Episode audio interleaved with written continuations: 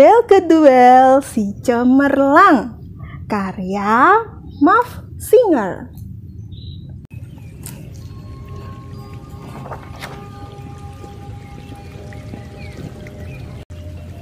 Kedatangan warna di abu-abu Bertahun-tahun yang lalu, di antara pegunungan putih dan juga sungai hitam, terdapat kerajaan abu-abu, negeri aneh tanpa warna.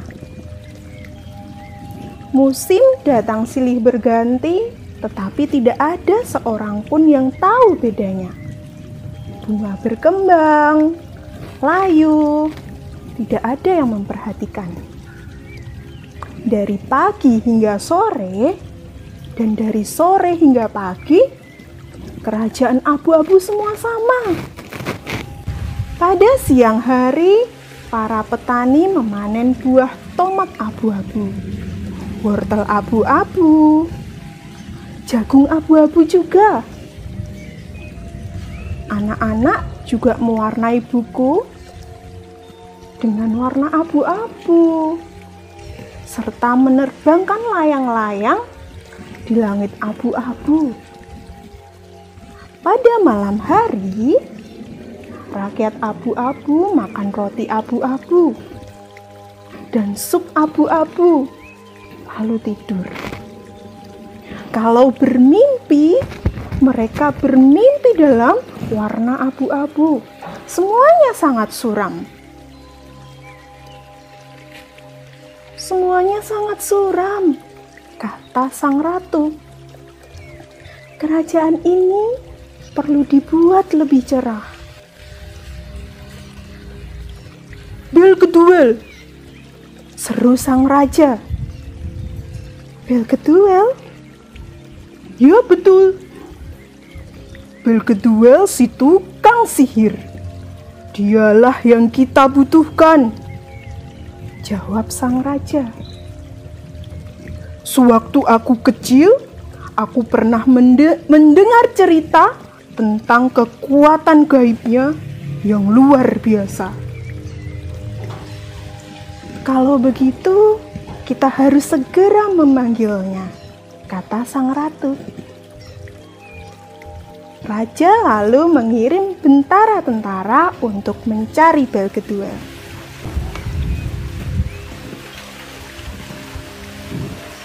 Bentara istana bergegas menuruni jalan bata abu-abu. Ia berseru kepada tukang roti. Saya akan menemui si tukang sihir. Tukang roti pun memberitahu para anggota Dewan Kota dan mereka selanjutnya memberitahu semua orang, semua tetangga yang mereka temui. Satu jam kemudian, semua orang membicarakan si tukang sihir Belgeduel. Sebenarnya, selama 70 tahun lebih, tukang sihir itu belum pernah sama sekali pun meramal mantra atau membuka tas sulapku. Ada panggilan ke istana, gerutunya. Seharusnya aku sudah pensiun. Apa sebaiknya kulakukan saja? Kata tukang sihir itu kepada Arifah, cucu yang berumur tujuh tahun. Arifah yang cerdik menjawab, Kita harus segera berangkat ke istana. Apakah kita akan pergi dengan mengendarai kursi? Hmm, Mungkin sebaiknya berjalan kaki saja, kata Bilgeduel terbata-bata.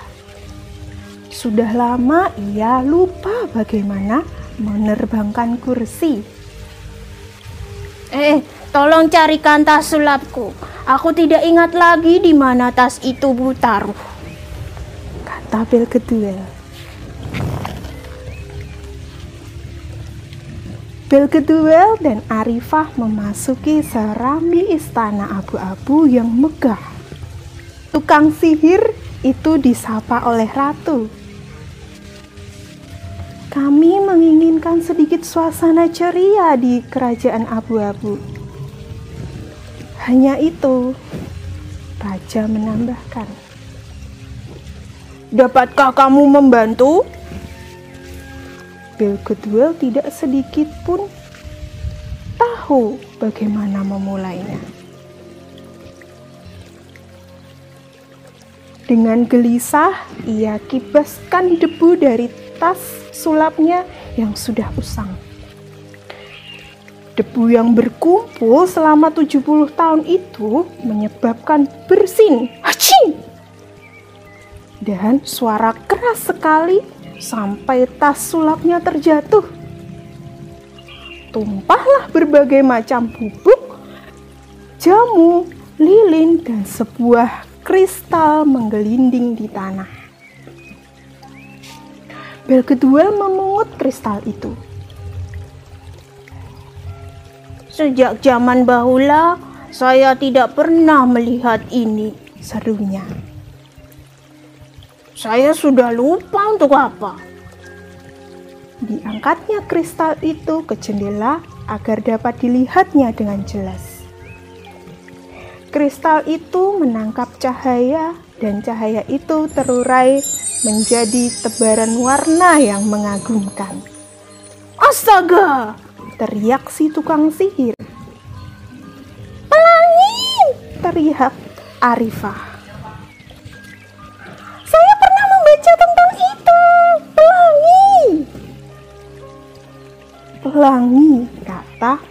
Kedua, raja dan ratu bersamaan. Bel kedua si layang-layang bergegas keluar istana diikuti oleh Arifah, raja serta ratu. Pelangi dari kristal itu menyebar ke angkasa kerajaan abu-abu dan menyinari negeri itu dengan warna merah. Kepala pemadam kebakaran senang sekali. Belum pernah kerajaan abu-abu melihat barisan pemadam kebakaran dengan warna segagah itu. Kemudian muncul garis-garis pancaran jingga. Penjaga kebun binatang, istana, semua terpana. Orang utan kegirangan dan jeruk terasa lebih segar. Lalu berkilatlah secercah cahaya kuning. Lihat jagungku, kata Pak Tani. Lihat ayah anak-anak ayam itu, kata istrinya. Astaga, kata tukang sihir. Warna apa berikutnya? Kemudian muncullah kilatan ajaib berwarna hijau. Naga kerajaan yang biasanya bergelimangan lumpur sekarang tampak rapi dan melonjak-lonjak kegirangan. Belum pernah sekalipun harta benda kebesaran kerajaan berkilauan begitu terang. Kemudian terpancar warna biru yang menyilaukan. Di rumah makan abu-abu, kue dadar ceri buatan si Koki menjadi laku sekali. Anggota Dewan Kota memborong seluruh persediaan sepatu kulit berwarna biru buatan si tukang sepatu. Lalu pancar kilatan cahaya warna nila.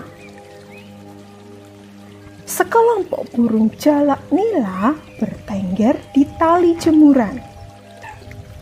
Kain abu-abu yang semula kusam dan membosankan berubah menjadi cerah dan hidup sangat menarik.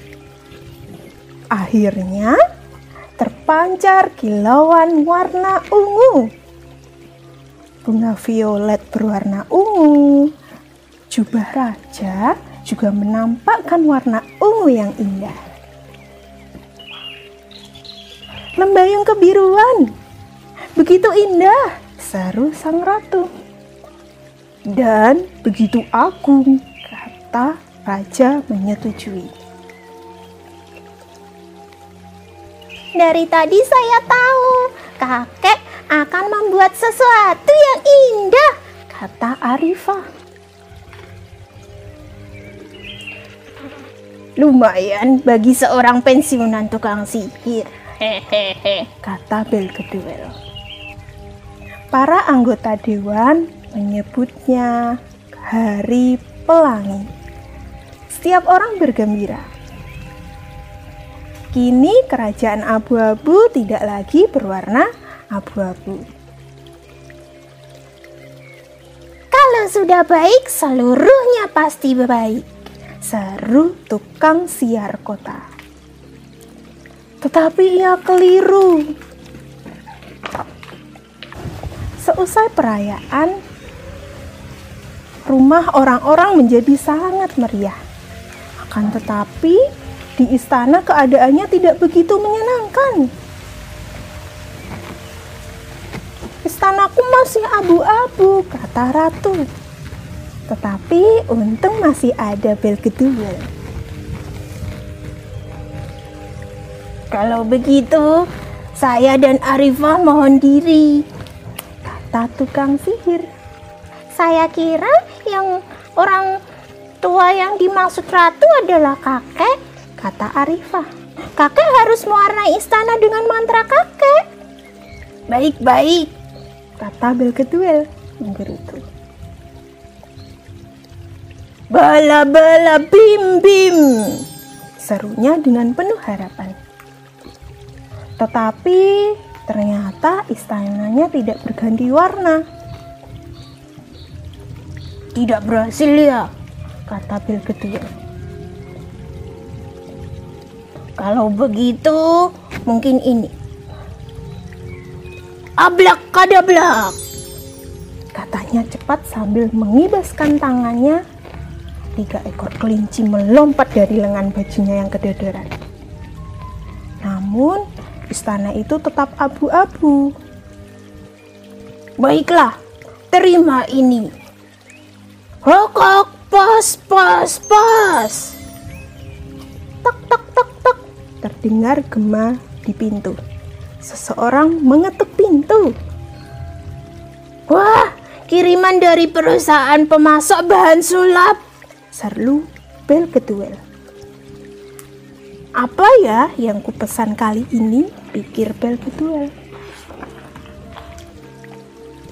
Cat! Seru tukang sihir itu keheranan.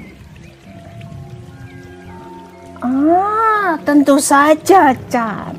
Itulah yang kita perlukan untuk mewarnai istana. Tetapi di mana ya kita harus memulai? Bagaimana kalau kita mulai di Balirung? Pasti ruang itu akan sedap kalau kita mengecatnya dengan warna jeruk jingga ini. Bagus, kata Ratu. Tetapi kita hanya memiliki cat warna kuning, merah, dan biru. Hmm, mungkin kita dapat membuat cat jingga sendiri, kata Arifah. Pada saat itu, mereka mendengar bunyi air tumpah di belakang. Pengantar barang itu menumpahkan cat merah dan kuning. Ya ampun, seru orang-orang dewasa. Wah, bagus! Teriak Arifah kegirangan. Lihat, warna merah dan kuning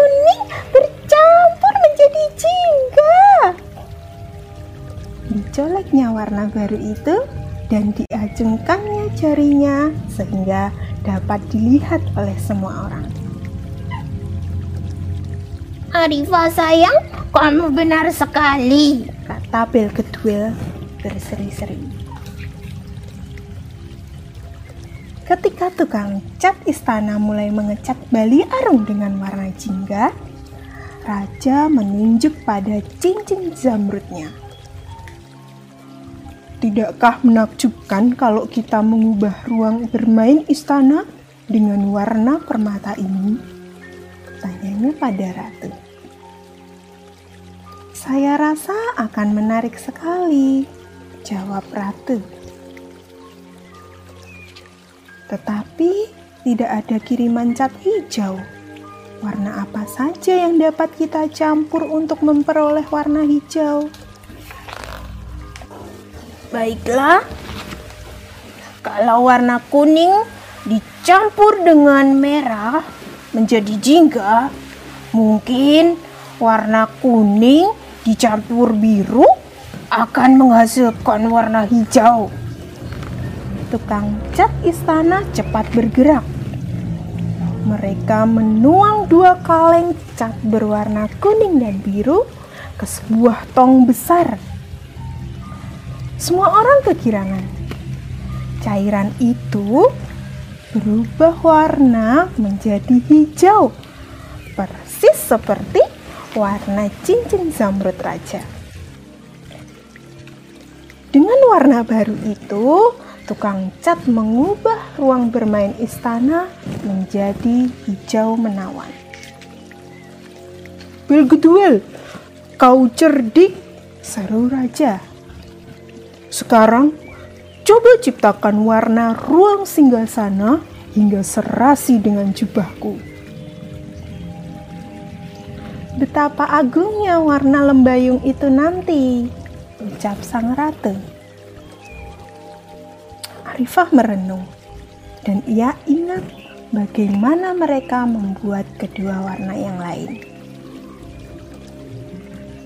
Kita memperoleh warna jingga dan mencampurnya dengan merah dan kuning. Warna hijau dengan mencampur warna kuning dan juga biru. Lalu, dua warna apa lagi yang belum kita campur? Mungkin ada mantra yang bisa memberitahu. Gumam bel kedua sambil membuka-buka buku sulapnya. Hmm, mari kita lihat pada abjad L untuk lembayung atau U untuk ungu. Sementara itu, dua tukang cat memasang selang pada kaleng-kaleng cat dan menyemprotkan biru dan merah. Warna-warna itu mengalir bersama dan terciptalah genangan cat lembayung. Yang mulia, silakan lihat, kata Arifah kepada raja. Kita sekarang punya warna lembayung yang berlimpah-limpah. Itu kan warna yang dicari raja dan ratu? Mendengar hal tersebut, tukang cat mengecat patung raja dan ratu. Ternyata benar, cat lembayung cocok sekali bagi pasangan kerajaan itu. Sewaktu Raktu menyaksikan patung itu, ia berkata, di sini gaduh seperti rumah tawon. Hmm, aku teringat sesuatu. Dapatkah kita membuat warna coklat seindah warna rambutku? Tukang cat istana sibuk bukan kepalang. Mereka mencampur warna ini dan warna itu. Merah dengan kuning, kuning dengan biru, biru dengan merah, tetapi belum ada yang menghasilkan warna coklat. Belgeduel tidak menyerah. Akhirnya, ia menemukan mantra untuk warna coklat dari bukunya. Lalu berseru, Eureka! Semua tukang cat di situ jatuh dari tangga karena terkejut. Kuas mereka terlepas, ember cat mereka tumpah semua. Cat tersebar di mana-mana. Curahan cat berwarna merah, kuning, dan biru bercampur menjadi satu sehingga terjadilah warna coklat. Indah persis dengan warna rambut ratu. Empu, engkau berhasil lagi, kata ratu memberi ucapan selamat kepada Bel Kedua. Bel Kedua sendiri terheran-heran. Wah, bagus. Sekarang kita punya tujuh macam warna. Wah, akan seperti apa ya cat-cat ini di bagian luar istana? Begitu mendengar kata-kata Arifah, tukang cat istana mengecatkan ketujuh warna cemerlang itu ke seluruh dinding istana. Mereka oleskan warna merah dan warna biru. Mereka oleskan warna kuning dan juga warna jingga. Mereka lumurkan cat hijau, lembayung, coklat pada dinding. Istana abu-abu yang dahulu kelabu kini menjadi cemerlang dengan tujuh warna yang mempesonakan. Hore, hore, hidup bel kedua, teriak semua orang. Rasa puas terpancar dari wajah laki-laki tua itu. Ini semuanya pekerjaan sulap biasa, kata Bel Kedua merendah. Istana ini sekarang menakjubkan, kata raja. Tetapi, mengapa kita berhenti? Coba, ada berapa warna lagi yang dapat kita buat? Itu gagasan yang cemerlang. Kita akan menyelenggarakan festival mencampur warna. Seru sang ratu. Wah, festival mencampur warna akhirnya diselenggarakan hari itu juga. Penduduk seluruh kerajaan abu-abu mengambil kuas, kanvas, dan berkaleng-kaleng cat lalu memulai mencampur warna baru. Kepala pemadam kebakaran memoleskan warna jingga di atas merah menjadi merah merona. Bentara tentara mencampur warna jingga dan kuning lalu berseru Kuning kenikir, akan ku gambar kebun bunga. Koki membuat warna hijau pupus dengan adonan hijau dan kuning.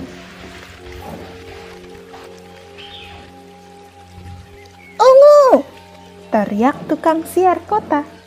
Ia mencampur warna biru dan lembayung dan jadilah warna ungu yang ia teriakkan itu. Tukang sepatu mengoleskan warna hijau dan biru bersama-sama.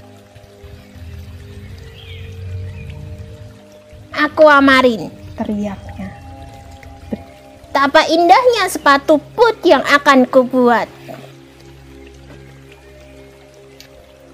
Seniman istana mencampur warna putih pada setiap catnya.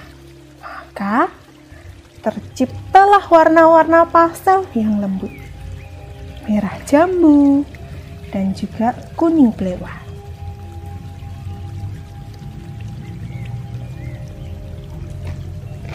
Seniman istana mencampur warna putih pada setiap catnya. Maka terciptalah warna-warna pastel yang lembut. Merah jambu dan kuning belewah, teriaknya. Kuning sudra dan hijau laut. Biru laut, lila, dan sawo matang. Selanjutnya, ia tambahkan sedikit warna hitam pada setiap warna dan muncul warna gelap. Merah manggis dan jingga hangus, serunya. Warna emas dan hijau daun. Saya juga membuat biru malam, ungu prem, dan coklat mahoni. Lihat, hitam dicampur putih menjadi abu-abu. Apakah warna yang kita hasilkan tidak terbatas? Oleh ahli matematika istana, dicampur lembayung dan merah menjadi merah lembayung. Mestinya ada batasnya. Gerutu tukang sihir. Warna-warna baru ini membuat kepalaku berputar-putar. Berputar-putar? Kek, itulah cara yang baik sekali untuk mengingat semua warna. Kita akan membuat roda warna. Setelah roda warna selesai dibangun, Raja dan Ratu menempatkan kristal si tukang sihir di tengah-tengahnya. Kelompok musik mengenakan ragam baru yang cemerlang. Mereka mainkan lagu gembira. Trompet membunyikan jazz berirama ceria, sementara bass memainkan irama blues. Semua orang menari dan bersorak hidup warna-warni.